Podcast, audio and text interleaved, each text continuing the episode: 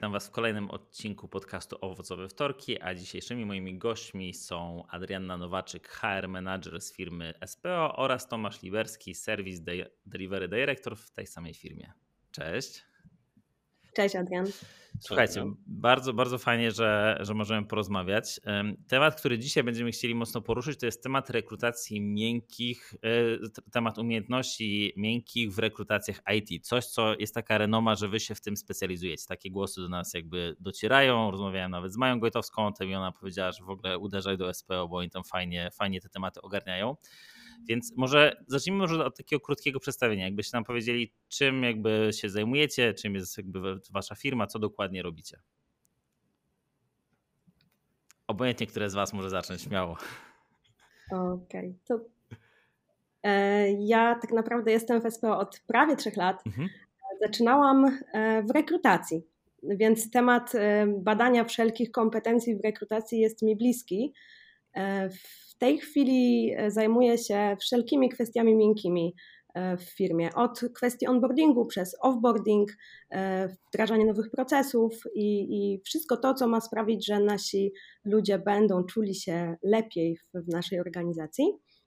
Um, mhm. A sama SPO, z tego co patrzę, to jakby jesteście software house'em, tak można określić? Dokładnie tak. Mhm. Jesteśmy software house'em, czyli e, z definicji tworzymy e, software na zamówienie, na zamówienie naszych, naszych klientów. Okej, okay, z Poznania, z Poznania. Ile teraz mniej więcej osób macie na pokładzie? Tak w tej chwili y, 85. Okej, okay, super, super. Tomek, i twoja rola to jest określona jako Service Delivery Director, więc tak naprawdę czym jakby się na co dzień zajmujesz? Tak, e, jestem dyrektorem Delivery. Delivery to taki dział w Software House, który zajmuje się dostarczaniem właśnie tego oprogramowania dla, dla klientów, czyli w sumie w pewnym sensie mięsem tego, te, tego, tego mhm. co robimy. Czyli to jest opieka nad e, całym e, procesem, zarówno jeśli chodzi o, o development, jak i związane z nim zarządzanie projektami, dbałość o, o jakość, o to, że w ogóle e, mamy, jak te projekty zrobić. Mhm. A ty jakby bardziej działasz po stronie jakby w kontakcie z klientami, czy jednak bardziej jakby wewnętrzne procesy, praca z liderami, zespołami? Wiesz co, po obu stronach. Okay, w pewnym sensie jest, jestem, jestem takim pomostem tutaj i łączę, łączę e, e, nasz dział konsultingu i sprzedaży e, z, z, działem właśnie w sumie po części rekrutacji, rekrutacji czy sourcingu i w sumie jestem okay. po obu stronach. Okej, okay, okej, okay, okej, to zaraz ten temat poruszymy. No dobra. Jeżeli chodzi właśnie o wasz proces rekrutacyjny, czy jakby moglibyście opowiedzieć trochę, jak ten proces rekrutacyjny wygląda? On zawsze, jakby już wiadomo, że szkielet pewnie jest podobny jak w wielu firmach, ale zawsze są jakieś takie niuanse, więc Zacznijmy od tego, że pojawia się nowa potrzeba zatrudnienia kogoś do zespołu, weźmy sobie na przykład programistę i, i co dalej się dzieje? E, od kwestii takich, myślę, podstawowych, czyli tego, co dzieje się wszędzie, e, od ustalenia konkretnych potrzeb e, przez naszych rekruterów, właśnie w porozumieniu z, z hiring managerami, z Tomkiem, z naszym resourcing managerem, ruszamy z rekrutacją. Nasze założenia rekrutacyjne są takie, że bardzo nam zależy, żeby te rekrutacje były mm, realizowane jak najszybciej w jak najkrótszym czasie. E, myślę, że możemy się tym chwalić. Nawet pojawił się kiedyś taki filmik, e, że, że zamykamy rekrutację nawet w trzy dni e, i to się zdarza. Oczywiście zaczynamy od takiej rozmowy screeningowej po stronie rekruterów, e, gdzie pojawiają się wszystkie najważniejsze informacje na temat całego procesu, jak to będzie wyglądało, czego może się spodziewać ten kandydat, ale też to jest też taki pierwszy etap weryfikacji mm, najważniejszych dla nas kwestii. E, od kwestii doświadczenia w pracy z klientem, przez kwestie znajomości języka angielskiego, bo to jest bardzo kluczowe, dlatego że pracujemy właściwie wyłącznie z klientami międzynarodowymi, e, aż po takie kwestie e, związane z codzienną pracą. I zakładamy, że ten kandydat w tym pierwszym mm, etapie ma dostać komplet informacji. Później jak najszybciej pojawia się zaproszenie na rozmowę techniczną i rozmowę miękką, co e, nierzadko odbywa się tego samego dnia. Rozmowy techniczne są prowadzone przez, e, przez deweloperów we wiodącej technologii, rozmowy miękkie prowadzą nasi team liderzy. Założenie jest też takie, że mm, to jest takie obopólne sprawdzenie. Nie tylko dla nas, czy ten kandydat jest odpowiednim kandydatem dla nas, ale też dla niego. Czy to jest miejsce, w którym on chce się rozwijać, w którym ma szansę się rozwijać, więc ja zawsze powtarzam, że najważniejsze jest to, czy kliknie. My nie jesteśmy korporacją, zwracamy uwagę e, właśnie na ten, na ten cultural fit e, i na to, czy ten kandydat będzie czuł się u nas dobrze. Ale to jest takie właśnie, jeżeli chodzi o ten culture fit, to jest takie mocno subiektywne poszczególnych osób, czy jednak macie jakieś takie nie wiem, wytyczne, ramy, na co zwracać uwagę? Czy to już jest tak zakorzenione w ogóle w was, że czy to jak programista rozmawiasz, to jak ty rozmawiasz, to jakby wiecie, kogo tak naprawdę szukacie, jakby pod względem dopasowania trochę do zespołu, do firmy. Zdecydowanie wiemy, kogo szukamy, bo to też wynika z e, wszystkich tych kompetencji, których poszukujemy w czasie rozmowy miękkiej. E, od właśnie, tak jak powiedziałam wcześniej, kwestii e, dobrej znajomości, bardzo dobrej znajomości języka angielskiego, aż po kwestie doświadczenia w pracy z klientami na co dzień i, i też takiego troszeczkę drive'u biznesowego, mhm. E, po kwestię tego, że bardzo nam zależy, żeby to były osoby komunikatywne, które wejdą w team i się w nim odnajdą, e, będą pomocne, będą chętne do tego, żeby dzielić się wiedzą, więc e, mamy już pełen zakres tego, czego poszukujemy wśród naszych kandydatów. Mhm, mhm. Znaczy, jeżeli angielski to jest jakby zrozumiałe, to w miarę można tam sobie sprawdzić. Y, doświadczenie z pracy z klientami też jakby można sprawdzić. Bardziej mnie właśnie zastanawia te, te kliknięcie, jakby czy to jest takie mocne, jednak takie subiektywne, że faktycznie coś jakby dana strona, czy tam obie strony poczuły, że to, to zagra, czy, czy jednak jest jakiś taki, nie wiem, właśnie element listy, checklisty, na co jakby w ogóle konkretnie zwracać uwagę?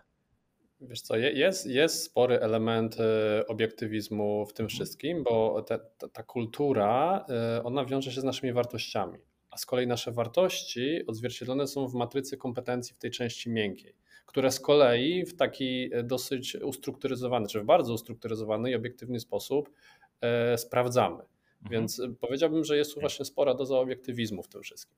Okej, okay, okej. Okay. Jeżeli chodzi o tą matrycę kompetencji miękkich, o których wspomniałeś, to rozumiem, że macie przygotowane takie matryce na różnych stanowiskach, czy jak to wygląda? E, tak, to znaczy matryca, matryca ma swoją wspólną kompetencję, czy wspólną część miękką i ona, mhm. jest, e, ona jest wspólna dla wszystkich ról.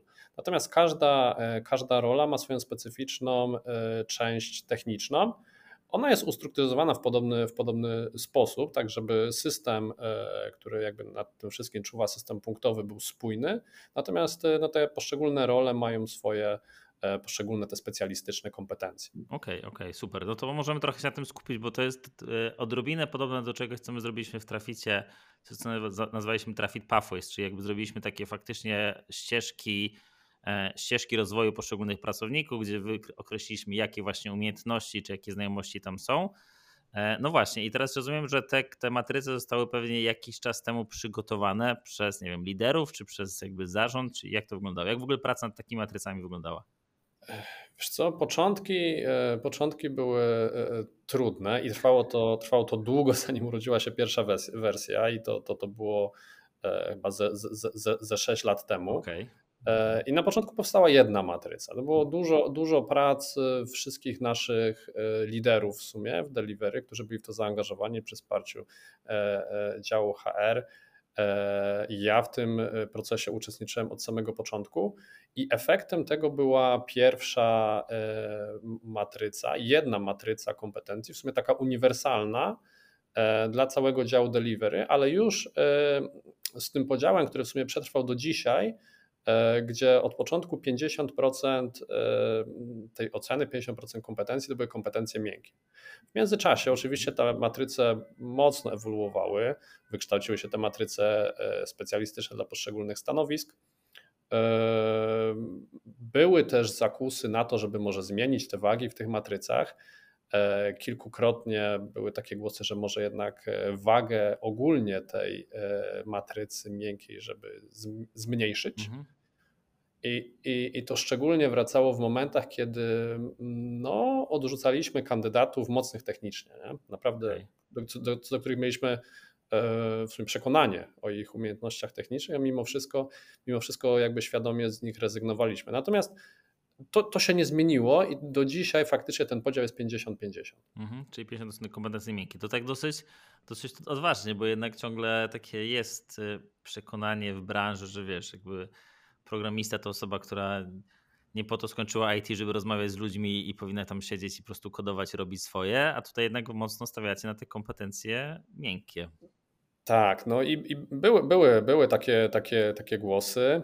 Mm, natomiast z naszego punktu widzenia te, te kompetencje miękkie i to, że my stawiamy na nie, wydaje mi się, że może bardziej niż wiem, przeciętnie, mhm. rynkowo, e, to jest świadome i to jest związane z tym, że e, no, nasi, nasi programiści, programiści, czy w ogóle inżynierowie, czy, czy, czy załoga, załoga delivery, e, to są w gruncie rzeczy też e, konsultanci dla klientów i my, my chcemy, chcemy z tymi klientami e, współpracując e, świadomie, świadomie tworzyć te produkty, wnosząc ten swój własny, własny pierwiastek. Nie? To, mhm. I to znaczy, mhm.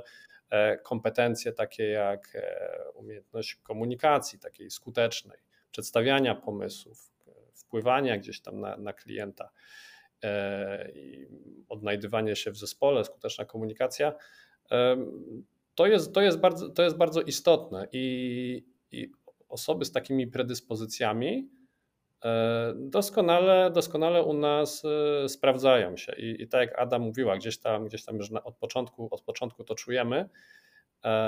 I z naszego doświadczenia te kompetencje e, rozwija, rozwijają się, rozwijają się dosyć, dosyć, dosyć powoli, nie? że nawet łatwiej gdzieś tam zdobyć kompetencje techniczne, szczególnie przy zmieniających się e, technologiach, mhm. E, niż gdzieś te kompetencje miękkie, które wymagają takiej świadomej, systematycznej pracy, takiego praktykowania nie? Pewnych, mhm. pewnych zachowań.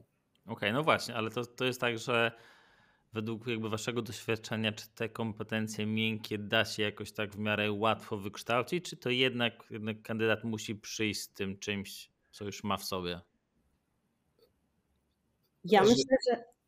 Przepraszam, no, mogę? Dawaj, dawaj. Bo, bo e, też Adrian powiedziałeś, że mm, to ja właśnie postanowiłam się nie zgodzić trochę, e, bo powiedziałeś, że e, nie po to skończyłem IT, żeby, żeby teraz e, gdzieś tam wchodzić w kompetencje miękkie, ja myślę, że już tak mocno zmieniły się te czasy, że w tej chwili ten e, taki stereotyp dewelopera, programisty, który siedzi ukryty za monitorem i, i mówiąc brzydko, klepie kod, e, minęły. Bardzo. I, I, do tego stopnia, że e, rzeczywiście mm, to, że my nie zdecydowaliśmy się na to, żeby zmniejszyć wagę tych kompetencji miękkich, pokazuje, jak one są niesamowicie ważne. I ja uważam, że dużo łatwiej nauczyć się w krótkim czasie, czy podszkolić kompetencje techniczne, niż nauczyć się e, kompetencji miękkich. No właśnie, to, to się jakby z tym pełni zgadzam. Nie wiadomo, że tak, tak, tak jest, natomiast właśnie się zastanawiam, czy, czy, czy, jakby, czy też macie takie doświadczenie, że nie wiem, przyszedł ktoś, kto w tym waszym scoringu wewnętrznym, jeżeli chodzi o kompetencje miękkie, nie wypadł jakoś tragicznie, że to jakby totalnie ktoś tam z piwnicy i tyle, ale jakby taki w miarę fajnie ogarnięty z tymi kompetencjami, ale widać, że tam musi jeszcze wiele podciągnąć. Czy to jakby mimo wszystko wchodzicie w taką relację, bo da się faktycznie te kompetencje miękkie mocno podciągnąć, czy jednak, czy jednak nie? Wiesz co, u nas e, to, to sprawdzenie kompetencji też e, tworzy taki, taki profil tej osoby i od razu e, na etapie rekrutacji w sumie team leader, który dalej tą osobę, tą osobę będzie prowadził, e, po przyjściu tej osoby do firmy e, jest w stanie z tą osobą ustalić e, konkretne cele rozwojowe, nie? Które, które obejmują zarówno, zarówno te, kwestie, te kwestie techniczne, jak i te kwestie miękkie. Te kwestie miękkie, wydaje mi się, że to jest kwestia taka bardziej długoterminowa, w sensie te cele są może trosz, troszkę bardziej dalekosiężne. One po prostu wymagają znaczy, to trzeba, trzeba, trzeba też chcieć pewne, pewne, pewne umiejętności tutaj sobie e, wykształcić czy zdobyć i wymaga to, wymaga to świadomej e, praktyki e, na podstawie jakiejś, jakiegoś planu. Mhm, mhm. Okay. I, I, idealnie tak naprawdę te, te, taka bardzo podstawowa, codzienna rzecz sprawdza się, sprawdzają się interakcje z osobami z osobami w firmie, tak? które po prostu no, prze, przejawiają pewne zachowania, które odzwierciedlają te, te, te wartości. Okay. Jest to tak trochę na, na, na zasadzie e, wejścia w grupę. Mhm, Okej, okay. no dobra, no to macie jakby te, te matryce potworzone, które trochę, tak jak wspomniałeś, czy nie trochę, no wynikają jakby z waszych wartości, z waszego DNA, DNA firmy. Czy też na etapie już jakby rekrutacji, zanim tak naprawdę kandydat zaaplikuje, wy jakoś mocno to komunikujecie w formie ogłoszenia, czy, czy jakoś właśnie w ramach waszych działań employer brandingowych. Chodzi mi o to, że jak sobie wybieramy różne firmy, w których chcemy pracować, to można sobie wybrać, nie wiem, ta firma wiemy, że jest super w designie przykładowo, albo w IT, albo w czymś tam, a tutaj jednak macie też tą konkretną taką charakterystykę, jaką jest to stawianie na kompetencje miękkie. Ja się zastanawiam, czy to gdzieś jakby kandydatom jest przed jeszcze aplikacją komunikowane. Mhm. E, jedną z naszych wartości jest transparencja i my w tą transparencję idziemy e, bardzo konsekwentnie. W tej chwili już na naszej stronie mm, w zakładce e, kariera można znaleźć pełen zakres wymagań i kompetencji, które są oceniane w procesie rekrutacyjnym. Więc na ten moment kandydat wchodząc na naszą stronę może przekonać się nawet do tego stopnia, co my oceniamy. Więc jak najbardziej komunikujemy nie tylko w ogłoszeniach, bo, bo um, te kwestie doświadczenia biznesowego są zawsze podkreślane, czy, czy znajomości języka angielskiego, czy komunika komunikatywności, otwartości. Um, I cały ten nasz przekaz employer brandingowy jest taki, że my szukamy e, konsultantów biznesowych, nie tylko deweloperów, ale też osób, które e, nawet świadomie chcą się w tym kierunku rozwijać. Okej, mhm, okej. Okay, okay. No dobrze, no to, to mamy tą komunikację, ktoś zaaplikował, potem rozumiem, rozumiem, że podczas tej rozmowy technicznej, ale też rozmowy miękkiej są weryfikowane w jaki sposób te kompetencje. Czyli mamy tą matrycę, na co warto zwracać uwagę i pewnie, nie wiem, rekruter, czy to właśnie ktoś z HR-ów, czy rekruter bardziej techniczny, jakiś tam scoring ustawia, czy ustawia jakiś tam pewnie ile punktów danej kompetencji jest. Tak to mniej więcej wygląda? Dokładnie. Okej. Okay. I jakby rozumiem, że na podstawie tego mamy taki profil kandydata, jakby zgodność z waszą właśnie kulturą i potem wspólnie podejmujecie decyzję, e, czy to, czy to w ogóle właśnie jest tak, że jest określony z góry po prostu konkretny scoring, że powyżej 65 punktów jakby rozważamy, wszystko poniżej w ogóle jakby nie, nie teraz?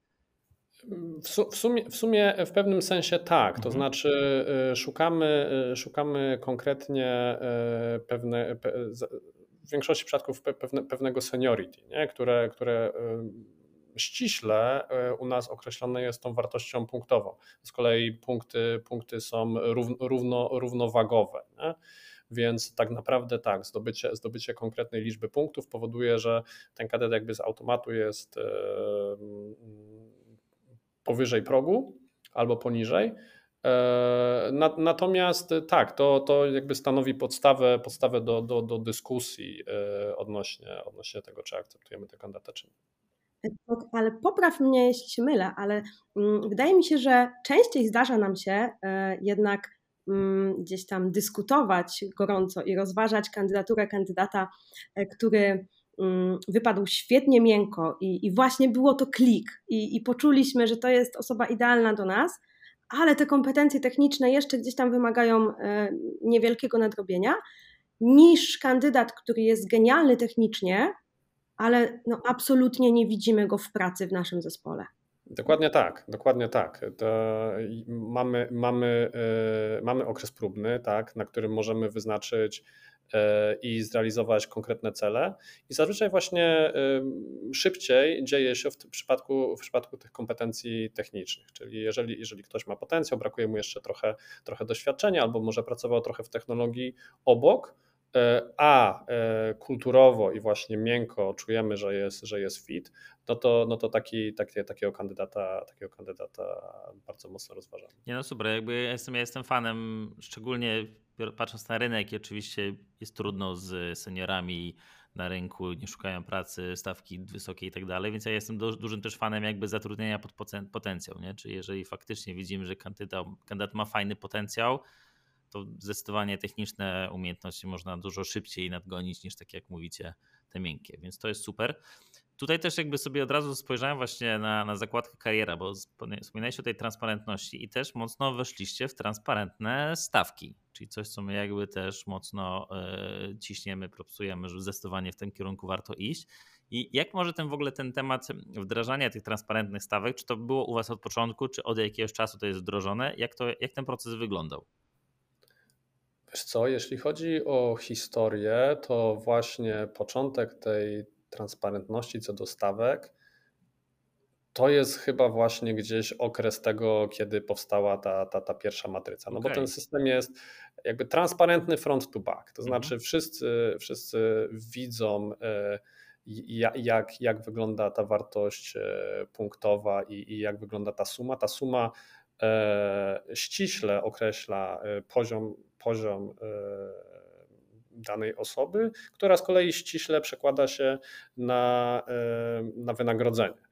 I, i, I to wszystko, e, jeśli chodzi o, o stawki, jest opublikowane, a w tej chwili nawet e, opublikowaliśmy nasz system i kalkulator. Nie? No właśnie teraz otworzyłem to, więc jakby właśnie zobaczyłem, co jest, co jest super, bo to jest w ogóle mocno, mocno zbieżne z tym, co my zrobiliśmy rok temu, jakby w ramach tych pathwaysów naszych, gdzie my właśnie zrobiliśmy też coś takiego jak trafić skill score, gdzie mamy określony właśnie między innymi jakby ten poziom, na którym dana osoba jest. Rok temu wyszliśmy w transparentne wynagrodzenia w firmie, więc każdy wie na jakim poziomie dana osoba jest, wie dokładnie ile zarabia i poszliśmy nawet tam dwa miesiące później dalej, bo też na naszej stronie są opublikowane wszystkie jakby dokładne wynagrodzenia poszczególnych osób. Bez tam imienia, nazwiska, ale ze stanowiskami, więc i tak można sobie to jakoś sprawdzić. Więc jakby, czyli u Was to było w ogóle już od, tak, od prawie 5-6 lat tak naprawdę te transparentne stawki.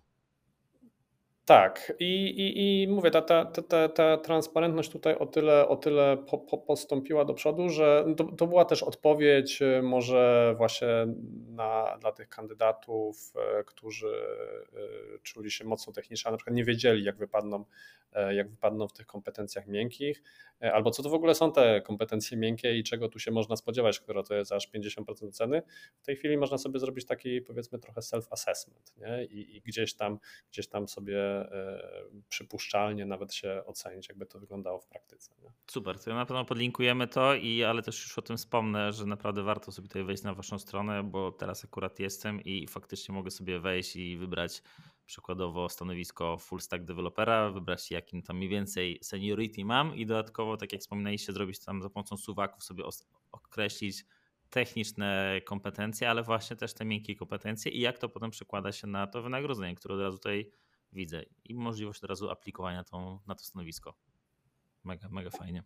Tak, i, i, tak naprawdę idąc dalej w, w, temat matryc, to nie jest tylko e, kwestia oceniania, e, nie lubię tego słowa oceniania, może bardziej ewaluowania naszych kandydatów, e, ale matryce towarzyszą naszym ludziom przez cały okres pracy w firmie. To było kolejne pytanie. Okej, okay, no tak, super.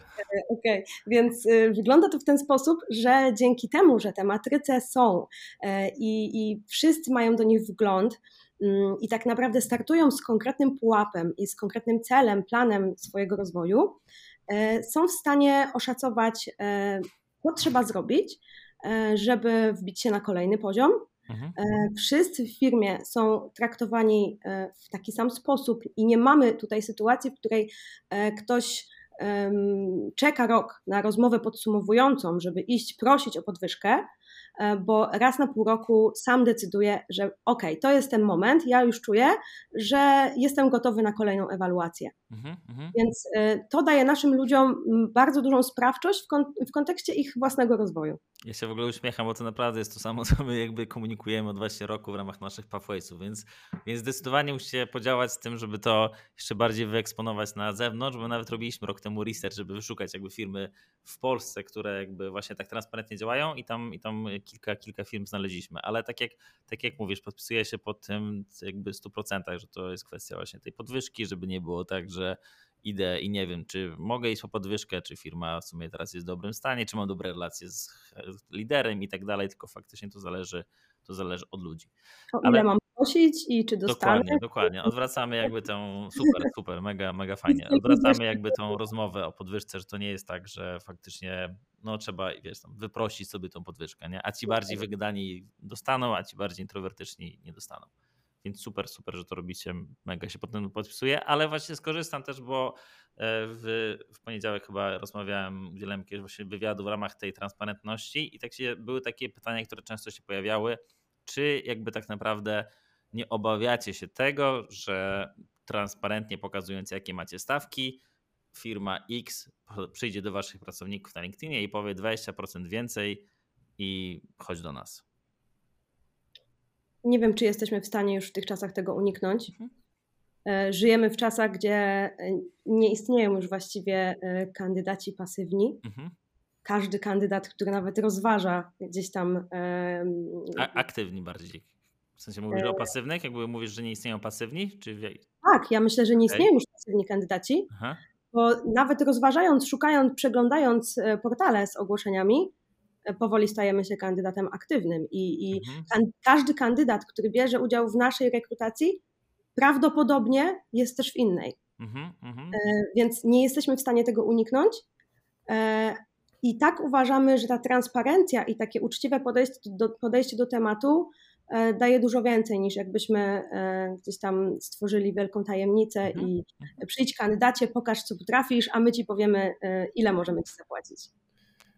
Tak, ja, ja, ja to potwierdzam. No, transparentność jest jednym, jedną z tych naszych głównych zasad, na, na które po, po postawiliśmy już bardzo dawno temu i e, no to, się, to się przejawia akurat nie, nie, nie tylko w tym aspekcie. Mhm. I, I za każdym razem można się zastanawiać, że no są jakieś tam plusy i minusy bycia, bycia bardzo, bardzo transparentnym. No my uważamy, że po prostu te plusy y, znacząco przeważają i taką po prostu mamy kulturę. Okej, okay, super. No właśnie, a jeżeli chodzi o nowe osoby, które do Was dołączają, czy widzicie też tak naprawdę, że dzięki tej transparentności, dzięki tej transparentnej komunikacji jakoś na przykład ta liczba kandydatów jest większa, którzy aplikują na Wasze oferty albo którzy odpowiadają na Wasze wiadomości? Czy to się przekłada jakoś tak wprost na proces rekrutacyjny? Ciężko powiedzieć, e, czy dzięki temu jest większa liczba kandydatów. Mhm. Na pewno można powiedzieć, że kandydaci, mm, będąc już na samym początku całego procesu, e, mówią: O, fajnie, to jest, to jest fajne podejście i to mi się podoba, e, bo czuję rzeczywiście, że mam jaką, jakiś wpływ mhm. na, to, na to, jak będzie wyglądała moja, moja kariera w SPO. Więc bardzo często zbieramy pozytywny feedback już na tym etapie początkowym całego procesu rekrutacji. Mhm fajnie wiedzieć, e, co będzie się ze mną działo, e, czy dostanę feedback, jak będą wyglądały spotkania, e, więc na tym etapie na pewno to jest gdzieś tam dla kandydatów cenne. Mhm. To bardzo podobnie to wygląda też u nas, że jakby nie, nie zauważyliśmy jakoś aż tak jeszcze znaczącego wpływu na liczbę aplikacji, ale już jak kandydat jest w procesie, już jakby jak się z tym zapoznaje, to, to faktycznie jest taki ten efekt wow i chęć dalszego pójścia dalej.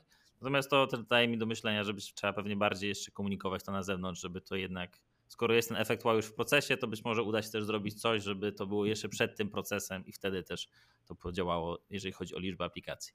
No dobrze, ale wspomnieliście o tych też ewaluacjach, czyli jak rozumiem, ten, jak mamy te matryce stworzone, to działa to potem w ten sposób, że kandydat jakby, znaczy kandydat, już pracownik sam siebie ewaluuje, czy jakby on przychodzi do lidera i mówi, że słuchaj, w przykładowo, jak to mam otwarte, w nie wiem, teamworku na przykład wydaje mi się, że podskoczyłem, czy to jednak jest dalej w geście lidera, żeby to określił? To znaczy tak, y, proces, proces działa w ten sposób, że nad rozwojem osobistym y, czuwa, czuwa team leader. I z team liderem y, ustalane są konkretne cele, oparte, oparte w tej matrycy kompetencji, czyli konkretne cele mające w efekcie podnieść konkretnie E, e, wartość punktową e, w danej kompetencji. I to zaczyna się od, od, od okresu próbnego i, i potem przechodzi w proces, w proces ciągły, gdzie wspólnie, biorąc pod uwagę, jakie są E, szanse, mm, jakie są e, predyspozycje e, danej osoby, jaka jest motywacja w ogóle nad jakimi kompetencjami pracować. Te rzeczy są w sumie no, w, gestii, w gestii konkretnej osoby. To znaczy, ty sobie wybierasz, czy w, tym, w tej chwili chcesz się koncentrować na, na kompetencjach technicznych, może na miękkich, może na jakichś konkretnych takich i takich, i po prostu e, razem, razem z team liderem e, ustalacie konkretne realne e, cele do realizacji, których no, realizacja właśnie będzie podstawą oceny, czy, czy, czy te kompetencje zostały, zostały podciągnięte, czy nie. Czyli um, moment re rewaluacji, który inicjuje, inicjuje, inicjuje dana osoba, e, no, polega właśnie na tym, żeby że na, na przeglądzie realizacji tych, tych, tych, celów. No i jeżeli, jeżeli to wygląda pozytywnie, to team leader, team leader wychodzi z rekomendacją e, podniesienia oceny punktowej. I tak naprawdę ta matryca to jest głównie narzędzie takiego e, planowanego rozwoju osobistego właśnie, właśnie w, oparciu, w oparciu o te cele.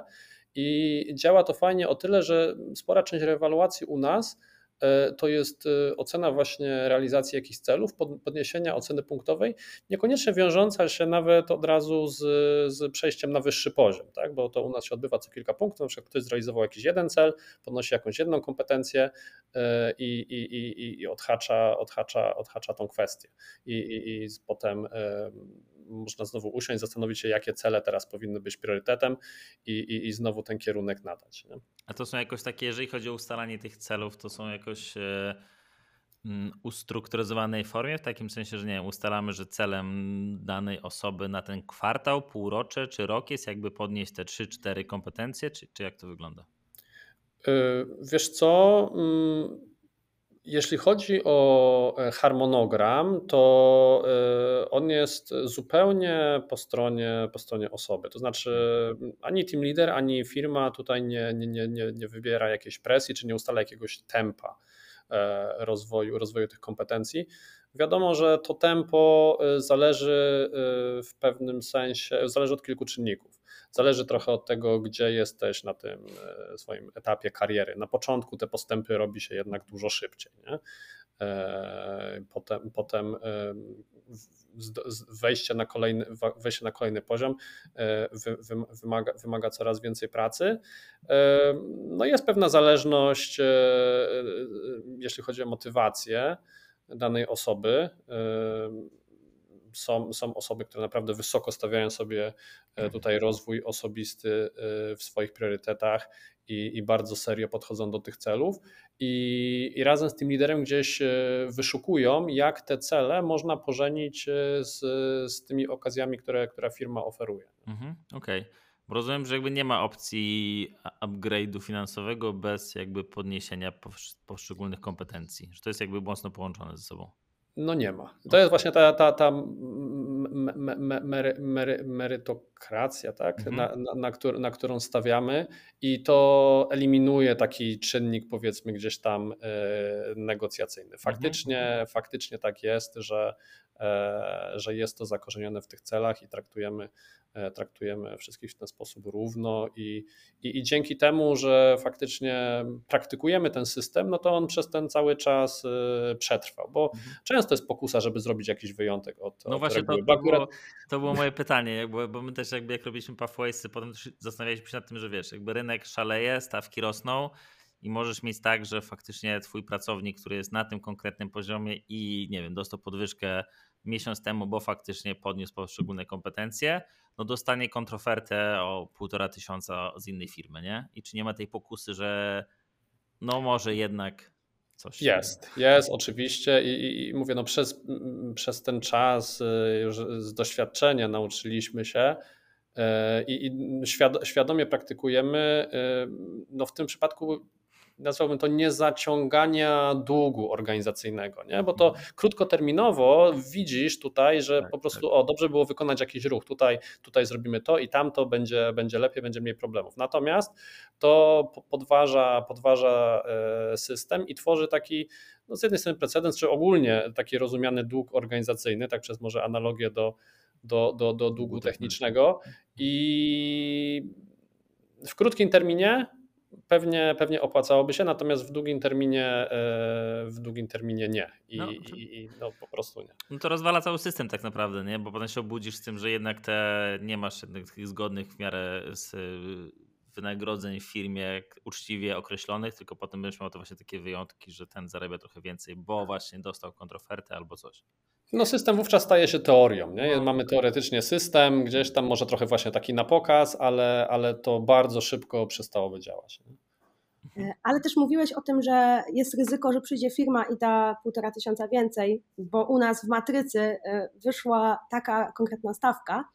Mm, ale myślę, że dużo firm w tym momencie jeszcze nie pracuje na tym systemie matrycowym, a my dzięki temu, że już mamy zewaluowanego tego kandydata, jesteśmy w stanie mu powiedzieć: e, Słuchaj, teraz możemy ci zaproponować e, taką stawkę, e, ale już widzimy, że najlepszy, mm, najlepszy obszar do rozwoju to jest ta kompetencja, ta i ta, więc jesteśmy w stanie gdzieś tam wesprzeć Ciebie w tym rozwoju budżetem szkoleniowym, budżetem takim HR-owym w okresie, w okresie onboardingu, też na rozwój, E, co też daje pewną perspektywę tego, że ta osoba do tej swojej docelowej stawki może dosyć szybko dociągnąć, e, mając wsparcie, e, wsparcie w rozwoju. No, że jest, tak, śmiało, śmiało, Tomek. E, tak, wiesz co, bo tak skojarzyłem, pytałeś o, to, o, o te terminy i powiedziałem, że, że, że firma jakby nie, nie naciska na terminy, natomiast e, pilnujemy tego i motywujemy osoby, żeby te cele, żeby te cele miały, miały poustalane mhm. I, i, i żeby faktycznie dążyły, e, dążyły do, do, do tego samorozwoju. I ja wierzę w to, że jeżeli mamy ten, ten fit e, od początku, że no, zarówno my e, chcemy tą osobę, jak ta osoba widzi e, e, jakby SPO jako szansę na, na, na, na swój rozwój, no to okazje do, do, do, do zaplanowania konkretnych celów, które, które ta osoba będzie miała możliwość zrealizować, są spore. Nie? I, i, i, i wówczas no ta osoba praktycznie cały, cały czas, no, regularnie, regularnie pracując, w pewnym, w pewnym sensie e, z automatu e, te, te, ten swój rozwój realizuje. Mhm, Okej. Okay. Nie, to bardzo podobnie. Jakby też nie, nie jest tak, że wywieramy presję, że naciskamy, że w ciągu trzech miesięcy musisz to zrobić. To jest jednak jakby w gestii pracownika, ale no jak się nic nie dzieje, to tam wiesz, jakby też zagadujemy się, pytamy, czy może nie możesz nad tym pracować, bo jesteś jakby zawalony w czymś innym, czy, czy o co chodzi. Znaczy, o, o, e, są osoby, ja obserwuję osoby, które, które są e, zmotywowane do takiego e, szybkiego rozwoju i faktycznie takiego optymalnego rozwoju i my to umożliwiamy, ale plusem tego jest to, że u nas, u nas za tym idzie faktycznie konkret, że ta osoba naprawdę jest w stanie przedstawić dowody swojego, swojego rozwoju, rzeczy, które zrobiła, tematów, które, które zamknęła, szkoleń, które odbyła i tak mhm. dalej. Mhm, Okej, okay. a czy tak naprawdę sytuacja, którą mamy na świecie od dwóch lat i rekrutacja zdalna jakoś Wam trochę utrudnia weryfikację tych kompetencji miękkich, czy to w sumie nie widzicie jakiejś różnicy? E, przyznam szczerze, że e, wiadomo, że fajnie jest się spotkać e, face to face z, z tym kandydatem, zaprosić go do biura, wypić z nim kawę, ale w kontekście takiej typowej weryfikacji mm, ja uważam, że nie do końca jest to, jest to e, problematyczne, to, że odbywamy te rozmowy zdalnie. E, nasi, e, nasi deweloperzy, nasi pracownicy mm, właściwie z klientami głównie pracują, albo no tak. niemalże wyłącznie pracują w takiej formule, w formule zdalnej. I ja też jestem fanką weryfikacji tych kompetencji miękkich pytaniami behawioralnymi. Mhm. Okay pytaniami retrobehawioralnymi. E, trochę tego uczyliśmy naszych team liderów, żeby pytali o doświadczenia, żeby opierali się na tym, co ten kandydat przeżył, jak on może opowiedzieć o swoich, o swoich doświadczeniach, o swoich kompetencjach przez pryzmat tego, e, co udało mu się zrealizować, jakie wyciągnął wnioski. Więc do tego nie potrzebujemy e, spotkania face to face. Mhm. A są takie pytania, już rozumiem, bardziej faktycznie w oparciu o doświadczenia jakiegoś kandydata, jak sobie poradził w jakichś sytuacjach? Czy to są pytania, słynne pytania jakieś HR-owe, wiesz, tam nie wiem, zapełnić ciężarówkę piłeczkami ping-pongowymi? Nie, nie, e, takich pytań e, raczej nie stosujemy, e, ale wiadomo, że kiedy zapytamy kandydata, mm, czy lubisz się rozwijać, czy rozwój jest dla ciebie ważny, każdy kandydat w procesie rekrutacyjnym odpowie tak, oczywiście, to jest dla mnie najważniejsza rzecz. Mhm. Więc y, tego typu pytań warto unikać. E, a w zamian za to na przykład e, zadać pytanie, czego ostatnio się nauczyłeś ciekawego, albo e, jaką książkę jesteś w stanie polecić, która gdzieś tam wywarła wpływ na Twój rozwój, albo jakie ostatnio meetupy odwiedziłeś, czy webinary, szkolenia, cokolwiek, co pokaże nam, że ten kandydat rzeczywiście nie tylko mówi o tym rozwoju i o tych kompetencjach, ale rzeczywiście o to dba. Okej, okay, okej. Okay. Śmiało. No, ja, ja, ja, tak, ja tak się śmieję, że trochę to, co tutaj robimy, to jest takie no, trochę nowe face to face, tak? To znaczy to, to face to face y, ciągle, ciągle się jeszcze zdarza, ale za, za, zarówno za, z klientami, jak i, jak i tutaj z kandydatami na etapie rekrutacji tego, tego, tego, tego jest mniej, nie? Więc to, w, jak, w jaki sposób jesteśmy w stanie odebrać tą osobę e, zdalnie, gdzieś, gdzie, gdzie umyka, powiedzmy, nie wiem, część tej artykulacji, jakieś E, gestykulacji, czy jakiejś takiej, takiej rzeczy, które odczuwa się tylko face to face, no e, to też pokazuje tego kandydata w takim środowisku zdalnym, w którym e, w jakimś tam stopniu przyjdzie, przyjdzie mu pracować. I to też jest w pewien sposób wpływa na, na, na ocenę komunikacji, tak? W ogóle jak kogoś widać, jak kogoś słychać, jak on na takiej rozmowie, jak na takiej rozmowie się prezentuje, jest mnóstwo oczywiście różnych ciekawostek mamy na ten temat, ale to, to też też jest, to też jest wartościowe. Czy to zastępuje w 100%? W 100% pewnie nie. Wydaje mi się, że idealnie, idealnie jest móc porozmawiać i tak, i tak. I, i wtedy jest jakby pełen, e, pełen obraz. No tak, no ale to wtedy będzie ciężko pewnie skrócić ten proces rekrutacyjny, na którym tak warto, bardzo Wam zależy, żeby on był jednak krótki, nie?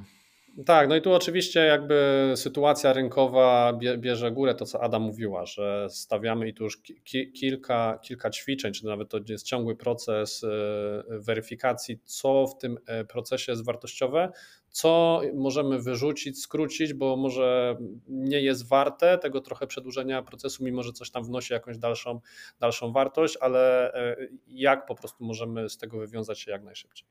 Czyli rozumiem też, że jak patrzycie na tempo rekrutacji, to jednak po prostu działacie w oparciu jakby trochę live o tych kandydatów, którzy spływają, nie czekacie na jakby nie wiem, 5-10 kandydatów, żeby sobie ich porównać, tylko że jak wpada ktoś do procesu, jest ok, spełnia te wymagania, przechodzi tą matrycę, to go zatrudniacie. Mhm. Nie, absolutnie nie czekamy, nie porównujemy. E, w ogóle ja też tak y, uważam, że porównywanie kandydatów pomiędzy sobą nie jest tak efektywne dla firmy, jak porównywanie kandydata do naszej idealnej persony. Do tego, jak my sobie wyobrażamy tego kandydata y, perfekcyjnego, y, bo tak naprawdę idealny kandydat nie istnieje. Dla jednej firmy będzie to kandydat A, a dla drugiej firmy kandydat B. Więc porównywanie między sobą nie do końca chyba się mhm, sprawdza. Mhm. Nie no, tak, myślę, że wiesz, tak by mm, ta matryca, którą macie stworzoną, to, to jest mhm. dla was taki wyznacznik, nie? kogo tak. faktycznie szukacie na konkretnym poziomie, jakie umiejętności ma mieć i, i to wystarcza. To, czy tam będzie kandydat, który nie wiem, no może, może, może się zdarzyć kandydat za gdzieś za trzy dni, który się trafiłby i byłby jeszcze fajniejszy ten klik, no ale może się nie zdarzyć i może tego pierwszego już nie być, więc jakby o tym Dokładnie. warto mimo wszystko, mimo wszystko pamiętać. Dokładnie. Dobrze, miałem jeszcze tak naprawdę takie e, dosyć e, standardowe pytanie. E, wspomniałeś o tym, jak badacie właśnie te kwestie behawioralne, czy tam ktoś czyta jakąś książkę, czy jakiś tam webinar i tak dalej, i tak dalej. To jak, jak to wygląda u Was? Skąd Wy tak naprawdę też czerpiecie jakąś taką swoją inspirację, jeżeli chodzi o tematy HR-owe rekrutacyjne, ale też takie tematy liderskie, zarządzaniowe? Czy śledzicie jakieś webinary, jakieś postaci, podcasty, blogi, książki, czy coś, co możecie polecieć, polecić? Jasne, że śledzimy. E, bardzo często robimy sobie brainstormingi w, teamach, w teamie e, HR-owo-rekrutacyjnym żeby gdzieś tam cały czas na bieżąco się tą, tą wiedzą wymieniać, e, czasami się trochę posprzeczać tak pozytywnie w kontekście tego poszukiwania jakiejś, jakiejś inspiracji. Mm, pracujemy też z konsultantami, którzy cały czas gdzieś tam weryfikują ten nasz kierunek, albo są w stanie nam dać takie świeże spojrzenie z zewnątrz, bo, bo to też jest bardzo cenne. My czasami pracując cały czas ściśle w, w naszym otoczeniu, możemy nie widzieć czegoś, co, co ktoś wejdzie i zauważy e, właściwie natychmiast. E, więc to jest, to jest jedna z takich, z takich rzeczy, w których korzystamy i w employer brandingu, i, i w rekrutacji w HR-ze. Okej, okay. a jeżeli chodzi o działania employer brandingowe, to głównie to wynika jakieś z waszych wewnętrznych zasobów osób, czy to bardziej korzystacie też z jakichś zewnętrznych agencji? Nie, mamy teraz e, zespół dwuosobowy, świetny zespół dziewczyn, e, Kamilę i Karolinę, które e, działają bardzo prężnie. Oczywiście, tak jak wspomniałeś, poleciła Ci rozmowę z nami Maja Gojtowska, pracujemy właśnie też z Mają i dziewczyny wszelkie kampanie realizują w tym momencie na własną rękę przy wsparciu Mai Gojtowskiej. O, super, super.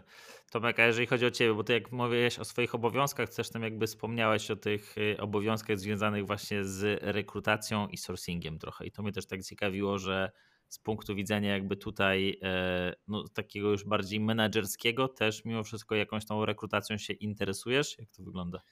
To znaczy tak, y, y, ja w sumie w ten proces rekrutacji y, byłem zaangażowany bardzo mocno właśnie tam przy początkach, gdzie cały ten proces, który w sumie chyba opowiedziała Ada, jakby realizowałem, realizowałem front to back, mhm. czyli zarówno te rozmowy techniczne, głównie z programistami, jak i, jak i rozmowy miękkie. I, i, I w sumie jestem jakby ciągle, ciągle deleguje ten proces. W sensie pierwszym etapem było e, delegacja do rekruterów technicznych, czyli e, to też w kilku etapach. Na początku e, dołączyliśmy kilku rekruterów technicznych, specjalistów od, od swoich technologii. Potem kolejny etap to były w ogóle, to było też przeniesienie tego na grupy osób, które specjalizują się w tej technologii. To, to było na etapie technicznym. Jeśli chodzi o etap miękki, który potem e, też ciągle prowadziłem, to on został przeniesiony, został przeniesiony na team liderów, mhm. czyli osoby, które, które e, re, rekrutują w sumie do swoich, do swoich, e, do swoich teamów. W międzyczasie, tak powiedziałem, powstały różne e, matryce e, wyspecjalizowane do poszczególnych ról na bazie, na bazie tej oryginalnej matrycy. Więc ja tutaj w sumie jestem za, zaangażowany w proces takiego e, rozwoju, rozwoju tego, tego, tego całego systemu. Okej, okay, okej, okay, super. No dobrze, y, wiecie co, jakby to taka jest, jest trochę moja myśl po tej rozmowie, bo często mówię, jak my wprowadzaliśmy te nasze rzeczy, to pojawiały się takie suche rzeczy, my przez to przez to jakąś transparentność, czy przez te właśnie takie wymagania też kompetencji miękkich, czy my nie odstraszymy jakichś kandydatów, mimo wszystko trzeba pamiętać o tym, że no, wy też jakby szukacie konkretnych kandydatów, nie? To nie jest tak, że staracie się zadowolić wszystkich i złapać jakby wszystkich, tylko macie tę swoją personę, te swoje wymagania, tę swoją matrycę i to jakby ci kandydaci muszą się wpasować i to, że część kandydatów zrezygnuje, bo im to nie pasuje, to to jest nawet lepiej, że to się dzieje na etapie jeszcze rekrutacji czy przed rekrutacją, niż to miało być tak, że trafią do zespołu i potem by coś się zadziało w zespole, więc, więc gorąco, gorąco polecam. Podlinkujemy wszystkie rzeczy w opisie, bo naprawdę e, mega, mega mi się podoba ten kalkulator wynagrodzeń, szczególnie właśnie z tymi suwokami kompetencji miękkich i jak to wpływa też na wynagrodzenie, więc podlinkujemy, zachęcamy do zapoznania się ze stroną Kariera SPO. Są otwarte rekrutacje, więc jeżeli jakby jesteście zainteresowani pracą to zachęcam do zapoznania się z tymi ofertami. Mamy tutaj nie tylko IT, ale też e, rekrutacje marketingowe, więc zapraszamy. Tak, ja w imieniu rekruterów też bardzo zachęcam, bo wiem, e, jak czasami ciężko znaleźć świetnego kandydata. Tak, to na pewno, to na pewno. To, to, to, co też mi się jakby e, spodobało, to jest to, że zaczęli się też dawać, widzę, że e, informacje o tym, że wkrótce otwieracie jakąś rekrutację. Widziałem chyba na PHP, że tam faktycznie pojawiła się rekrutacja na stronie z informacją, że na wkrótce jakby będzie otwarta. Więc jakby to też jest fajne takie dzielenie się trochę tym, jakie macie plany rekrutacyjne, że być może kandydat, który usłyszy teraz i jednak jeszcze nie macie otwartej rekrutacji, będzie wiedział, że wkrótce taka rekrutacja się pojawi, więc super. Transparentność for the win. Dokładnie. Super. Dzięki bardzo za rozmowę. Dzięki Adrian. Cześć. Dzięki.